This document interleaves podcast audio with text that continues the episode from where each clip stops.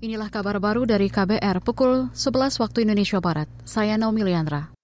Menteri BUMN Erick Thohir berencana menutup anak perusahaan BUMN yang tidak diperlukan. Dia berkomitmen bakal meninjau ulang keberadaan perusahaan yang dianggap menggerus efektivitas kinerja holding BUMN.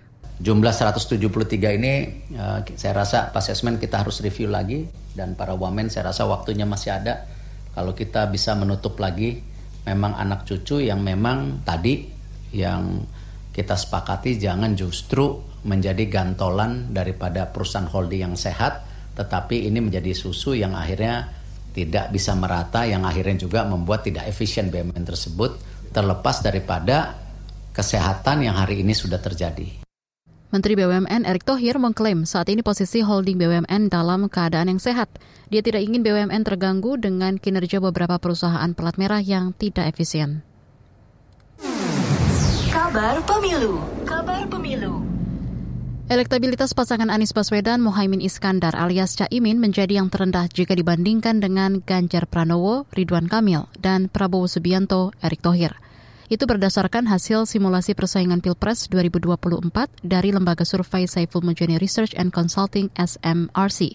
Pendiri SMRC Saiful Mujani menilai ada kecenderungan Caimin justru mereduksi elektabilitas Anies sebagai pasangannya. Hmm. Jadi ini uh, kalau sebut turun itu tidak secara statistik tidak terlalu signifikan efek okay. dari pasangan dari uh, Caimin ini terhadap Anies. Uh, kelihatannya menurun gitu ya, tapi kalau kita bicara secara statistik itu uh, kita tidak bisa menyimpulkan uh, itu menurun gitu ya. Tapi tapi ada ada gejala seperti ini bahwa setidak-tidaknya pasti tidak naik itu tadi pendiri lembaga survei SMRC Saiful Mujani. Mengutip laman saifulmujani.com, elektabilitas Ganjar Ridwan Kamil tertinggi dengan 35 persen. Diikuti Prabowo Erik 31 persen dan Anies Caimin 16 persen. Sedangkan ada 16 persen responden yang belum menjawab. Survei digelar pada 5 hingga 8 September dengan melibatkan 1.200 lebih responden. Batas kesalahan survei kurang lebih 2,9 persen.